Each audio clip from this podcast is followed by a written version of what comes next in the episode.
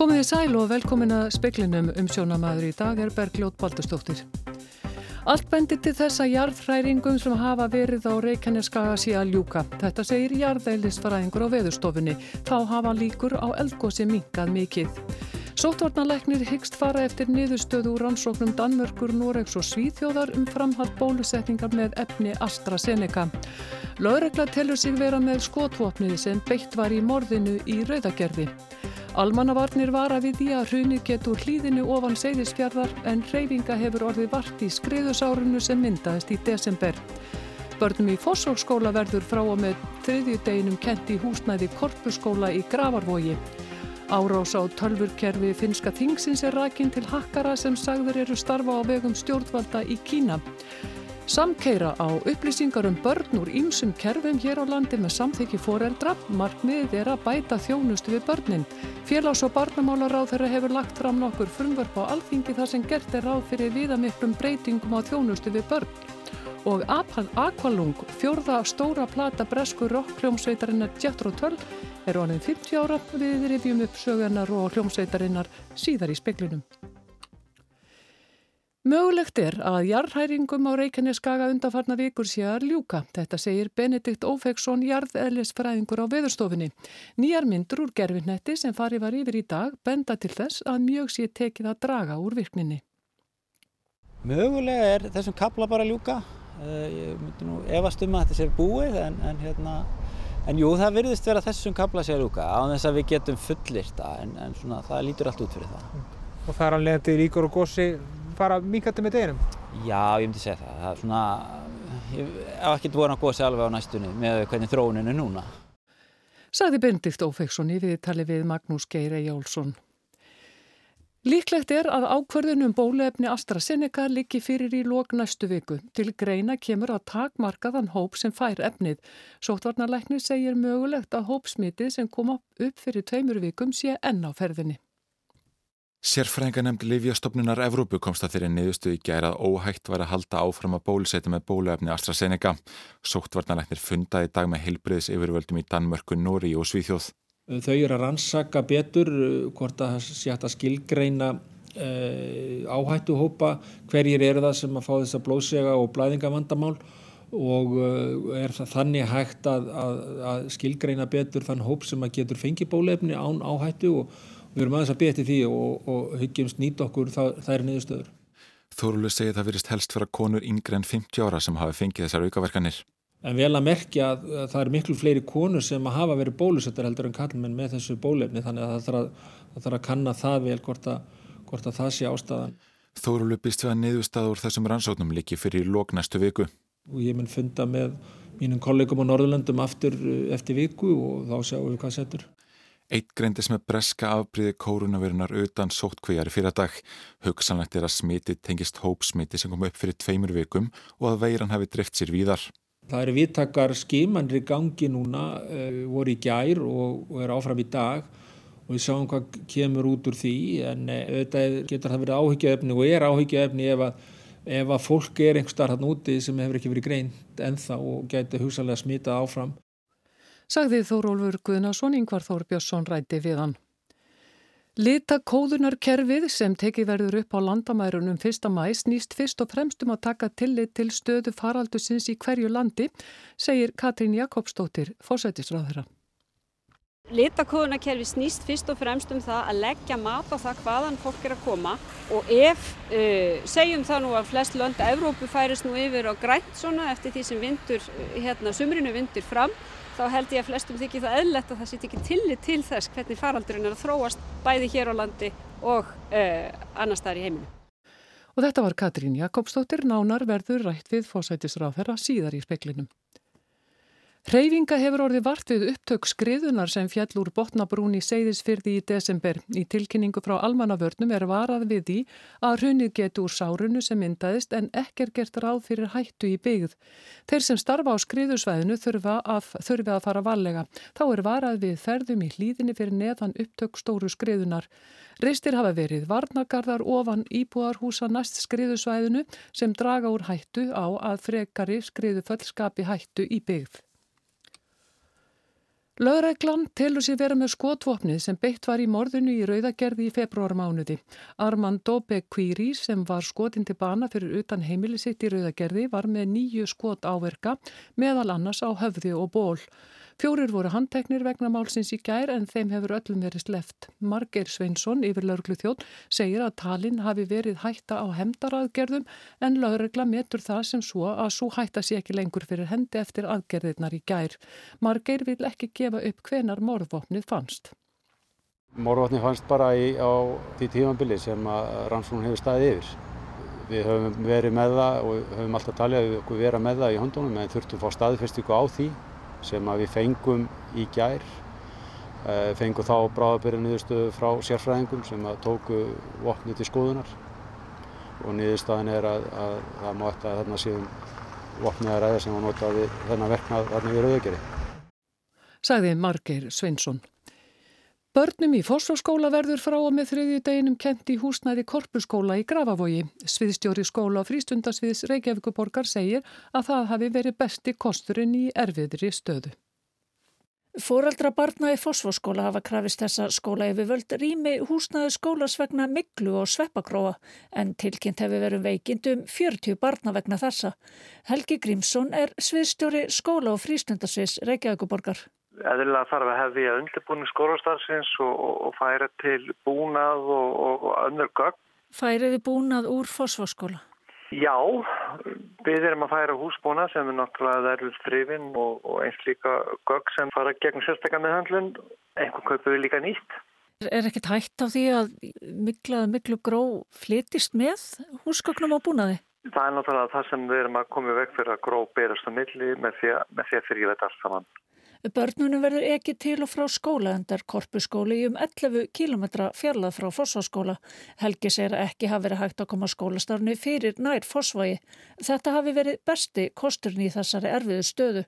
Þarna kom laust það sem að eh, var að koma öllum skólunum fyrir einu stað í skólahúsnaði með skólalóð og allt sem tilherir skólastarfi. Helgi segir að þetta hafi verið ákveðið í samráðu við skólar á það sem foreldrar eiga fulltrúa. Ekki likur fyrir hversu lengi börnunum verður kent í korpuskóla. Frekar í aðtuguna húsnæðifoss og skóla hefst á mánudaginn. Eftir þá skoðun og það mat, þá vitum við betur hvað, hver komandi verkefni eru. Og þetta var Helgi Grímsson, Anna Lilja Þóristóttir talaði við hann. Hreyðar Már Sigursson og Magnús Guðmusson fyrirverandi stjórnendur hjá Kaupþingi voru í dag sakveldir í landsrétti í svokölluðu CLN-máli sem einnig er nefnt sí, seinasta hrunmálið. Sigurður Einarsson var hins vegar síknaður. Hreyðar Már og Magnús voru ekki dæmdir til refsingar. Hér að stómur hafði áður síknað þreminingana en aðeins síknudómur Sigurðar var staðfestur í landsrétti í dag. Tölvuglæpamenn á vegum kýmverskra stjórnvalda eru sakaður um að hafa staðið að árás á tölvukerfi finska þingsins síðasliðið höst. Brotist var inn í tölvupóst hólf þingmanna og starfsmanna þingsins. Samstarf finsku leinið þjónustunar og bandaríska öryggisfyrirtækisins FireEye leiti í ljós að kýmverskur hakkarahópur var að verki. Finska þingið greindi frá því í desember að það hefði orðið fyrir 12 árás þá um haustið. Anúve Filenien, þingforseti, sagði við það tækifæri að árásin hefði verið ógn við öryggi og líðræði Finnlands. Öryggislaureglan hefur síðan unnið að rannsóknin brotsins meðal annars með aðstóð erlendra sérfræðinga. Það var loks ræki til kynversks hakkarahóps sem nefndur hefur verið APT 31. Öryggisfyrirtækið Færa í San Francisco hefur upplýst að hópurinn vinni samkvæmt fyrirmælum kynverskra stjórnvalda við að afla upplýsinga sem koma stjórnvaldum og kynverskum stjórnarfyrirtækjum og stopnunum til góða, engum á pólitískum, hernaðarlegum og viðskiptalegum vettvangi. Að sögn finska ríkisútvarpsins var brotist inn í tölvu póstólf allmargra þingmanna og starfsmanna þingsins. Ekki hefur verið greint frá því hvaða upplýsingum tölvu þrótarnir náðu. Ásker Tómasson saði frá. Thank you.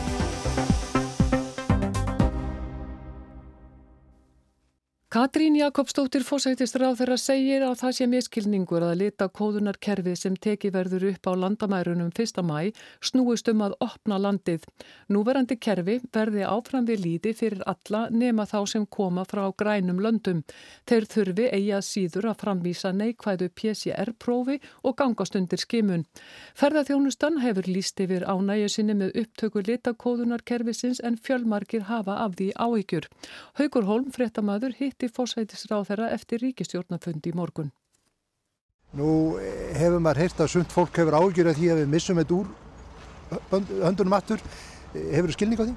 Að sjálfsögum, ég menna við þekkjum það eh, hvað eitt smitt getur í raun og veru valdi miklum skada og það sem við höfum verið að gera á landamærunum hefur í raun og veru verið alveg ótrúlega skilvíst kerfi. Það er að segja 200 skímun og sótkví, við bættum síðan við neikvæði PCR-prófi og uh, leiðaljós okkar í aðgjörunum er alltaf að gæta ídrustu varferðni en að sjálfsögðu verðum við líka að horfa til þess að taka tilliti þess að eftir því sem bólusetningum mun mynda frambæði hérlendis og erlendis þá auðvitað hefur það þau áhrif að það verður greiðar í för bæði hér heima og yfir landamæri. En er ekki ákveðin klemma sem getur skapast núna eins og er búið að gefa út að það sé stemta því að fyrsta mæ verði þetta litakonu kerfi mm -hmm. tikið upp og við erum þetta síðan með bólusetninga vottorðin. Mm -hmm. Ferðarþjónustan fagnaði mjög þegar þessi dagsetning var gefin út mm -hmm. og er vantilega byrjuð að undirbúa sitt markastarf og svo leiðis þannig að það, það geti orðið einhverju eða hvað? Nei, ég menna það við leiði fyrir frá upphafi að litakona kerfi snýst um að taka miða faraldrinum stöðu hans hér heima og erlendis.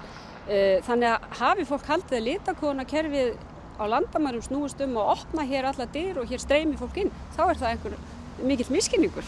Þetta snýst einmitt um það að kerfi sem við höfum haft á landamærum verði við haldið uh, að hérna gagvart öllum löndum nema þeim grænu í raun og veru og þeir sem koma frá grænulöndum þeir þurfa eiga síður að framvísa neikvæðu PCR-prófum og gangast undir skimin. Það sem þarf að leysa úr er hins vegar þetta með að staðrina hvaðan fólk er að koma og hins vegar hvernig á að meðfundla það þegar lönd er í raun og veru með litróf innan sinna landamæra. Það eru úrlösnarefni og þar sömu leiðis verður ítrustu varfarni gætt.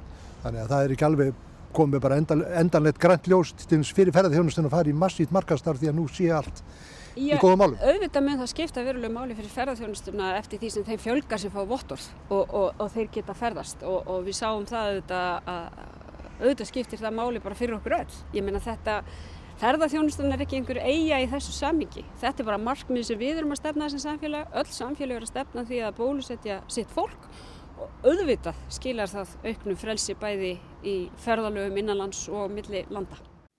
Og þetta var Katrín Jakobsdóttir Haugur Holm talaði við hana.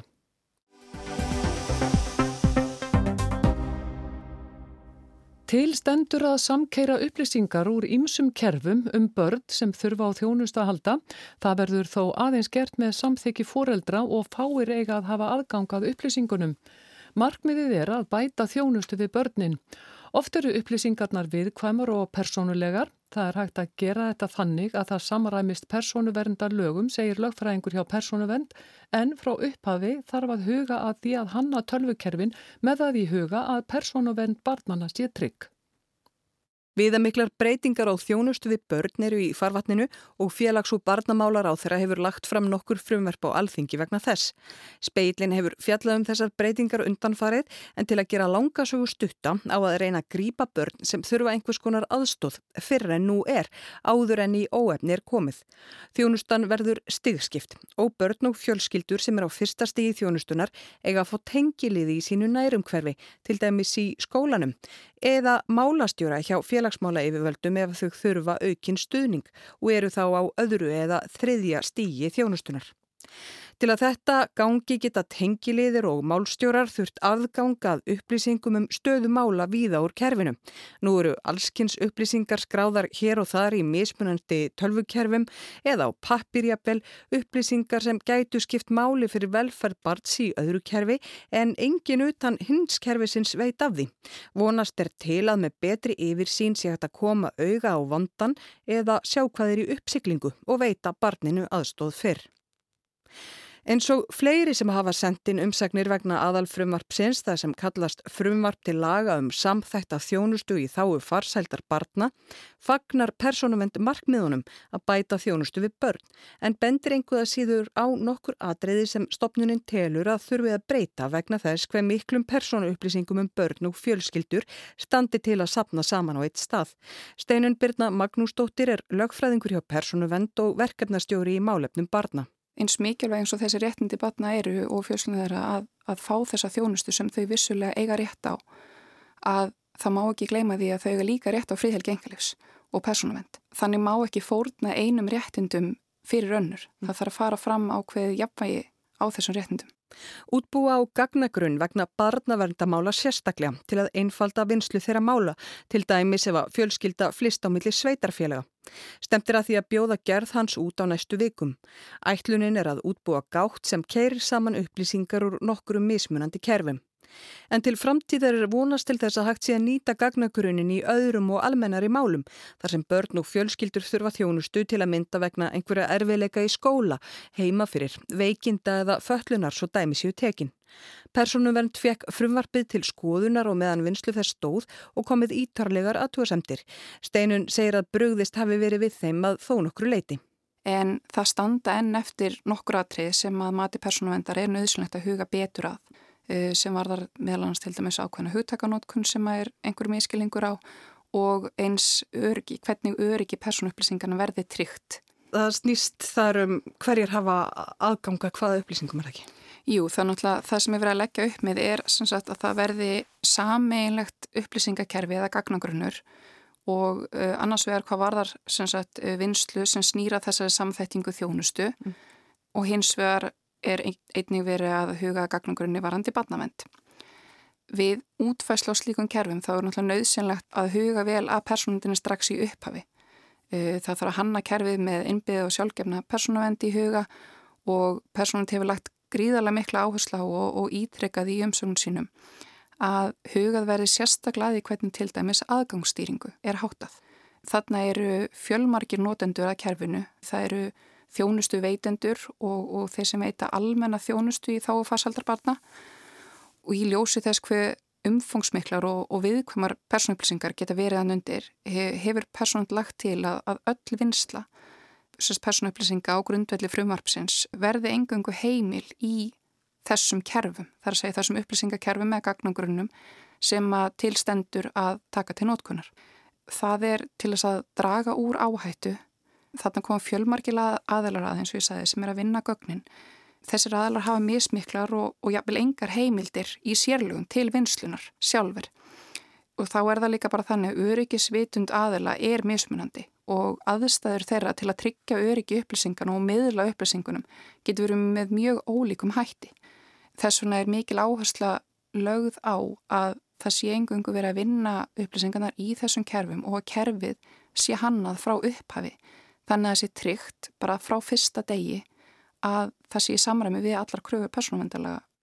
Það er eitt að hafa aðgang til að skrá, annað að hafa aðgang til að skoða upplýsingar sem viðkomandi þarf til að geta veitt barninu góða þjónustu og enn annað er að hafa aðgang að upplýsingum sem viðkomandi þarf ekkit að hafa til að geta veitt barninu þjónustu.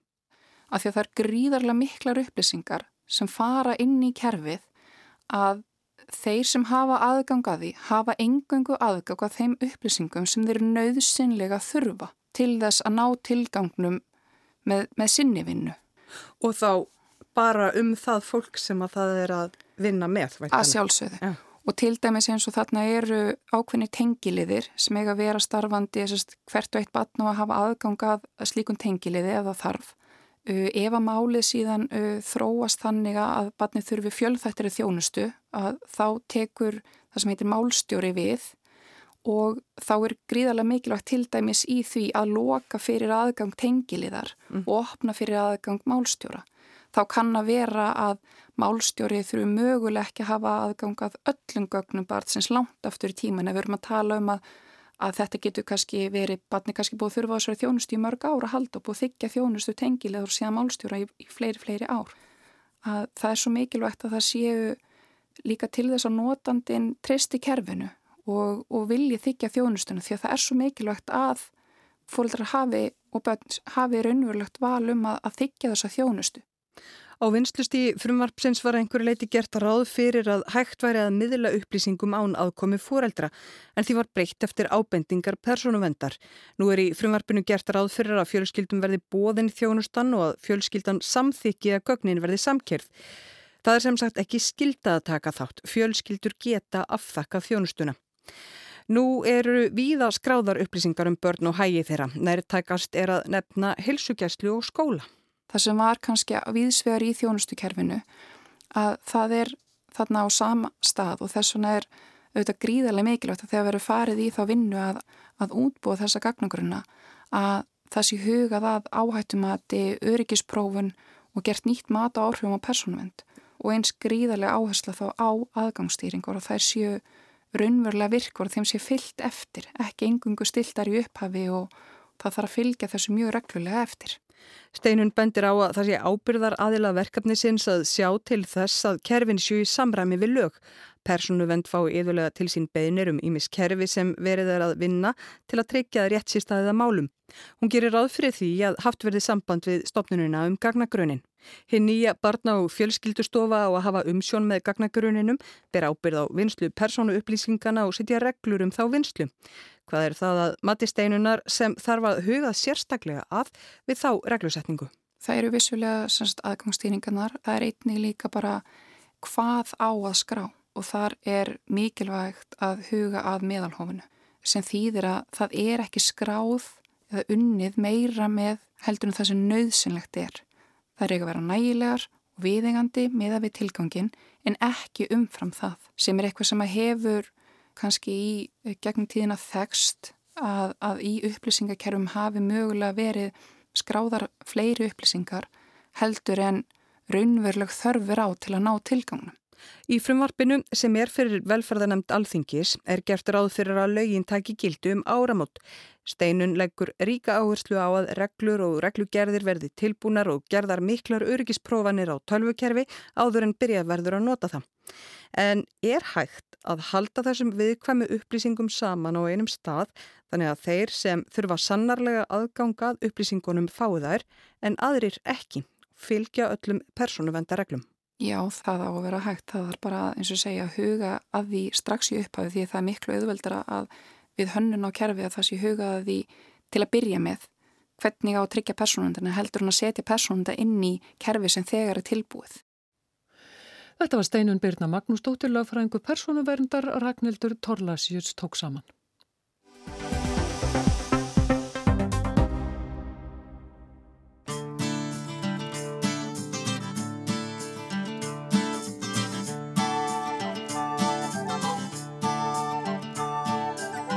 As I did walk by Hampstead Fair, I came upon Mother Goose, so I turned her loose.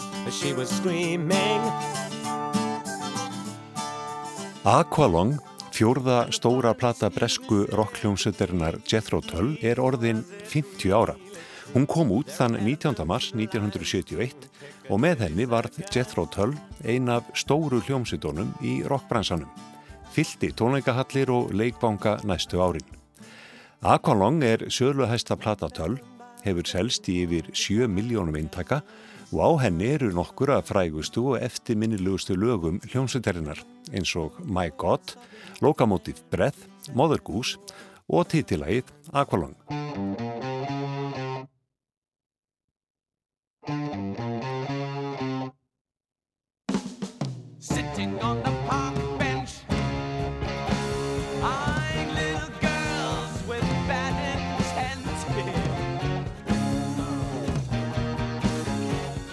Jethro Tull var þegar þarna var komið sögu orðin vel þekkt hljómsveit í rockheiminum, gefið út þrjár ágæðarplötur og vakið mikla lukku fyrir hressilegu og kraftmikla tónleika.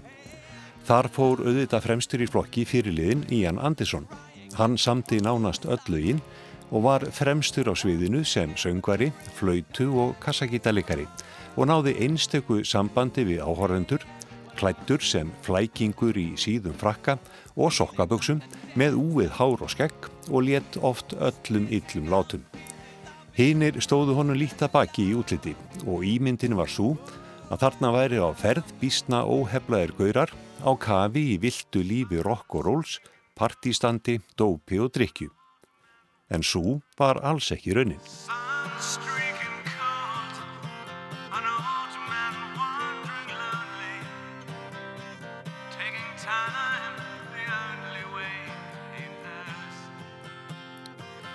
Sennilega er Jethro Tull einhver heilbriðasta hljómsveit roksögunar. Flækingurinn var útspekuleraður og bakvið vilt útlitið voru óskup vennulegir feimnir ungir menn, en kannski óvennulegir af rocktónlistamönnum að vera á þann hátt að þeir voru hófsendarmenn. Tóku sér bók í hönd upp á hótelherbyggi eftir tónleika og fóru að sofa í stað þess að fara í eftirpartíð. Þeir voru klárir, gáðar og flinkir og vissu sín takmörg. Ian Anderson gerði sér til að mynda grein fyrir því að þráttur að vera ágætis gítarleikari þá átt hann ekki breyk í gítargóð eins og Eric Clapton, Jimi Hendrix, Peter Green eða Jimmy Page. Þess vegna fór hann að spila á flautu sem var nánast óþægt í rocktónlistinni. Og þó hann hefði ekki fengið háa engun hjá lærðum flautuleikurum í klassik eða djassi til að byrja með, þá náðan smá saman tökum á hljóðfærinu og skapaði sér sinn eigin stíl.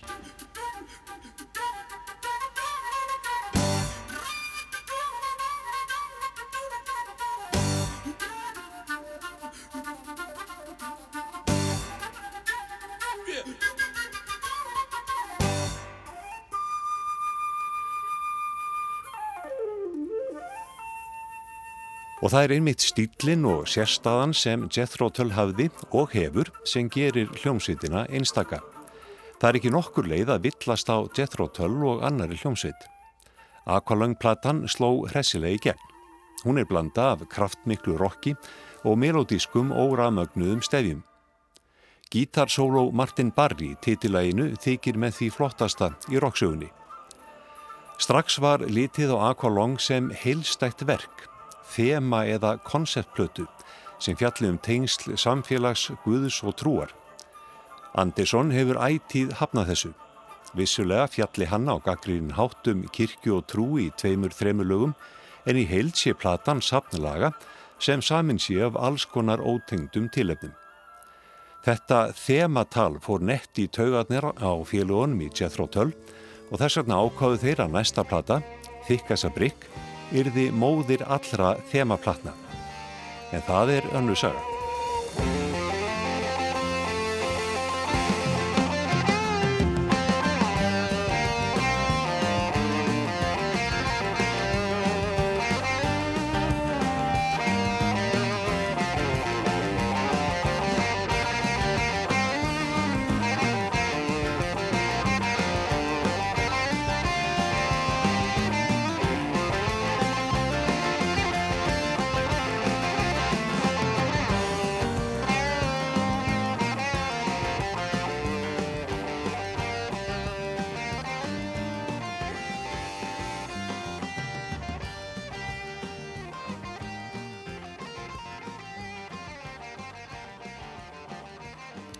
Kristján Sigur Jónsson fjallaði um 50 ára afmæli tímamóta plötunar Aqualung með uh, Jethro Tull. Veður horfur, suðvestlæg átt, víta 8-15 metrar á sekundu en kvassara á norðvesturlandi og í kringum Tröllaskaga. Rigning með köplum en þurft á austurlandi hiti 5-14 stig, hlýjast austan til. Vestlægari vindáttum tíma í nótt og fyrramáli nokkuð hvers á austanverður landinu. Dregu mikið úr úrkomu og kólnar en hægt vaksandi suðvestan átt eftir hádagi og skúrir eða slittu jélvestan til hiti 2-8 stig. Og það var helst í speiklinum að allt bendi til þess að jarðhræringum sem verið hafa á Reykjaneskaga sé að ljúka. Þetta segir jarðeðlisfræðingur á veðurstofinni, þá hafi líkur á eldgósi minkað mikið. Sóttvarnarleiknir hegst fara eftir niðurstöðu rannsóknum Danmörkur, Noregs og Svíþjóðarum framhald bólusetninga með efni AstraZeneca. Lögregla telur sér vera með skotvopni sem beitt var í morðunu í Rauðagerði og almannavarnir var að við því að hrunið getur hlýðinni ofan seyðisfjörðar en reyfinga hefur orðið vart í skriðusárunu sem myndaðist í desember. Börnum í fósfórskóla verður frá með þriðju deginum kendi í húsnæði korpuskóla í Gravarvogi. Það er ekki fleira í speklinum í kvöld. Mark Eldred senda nút. Verðið sæl.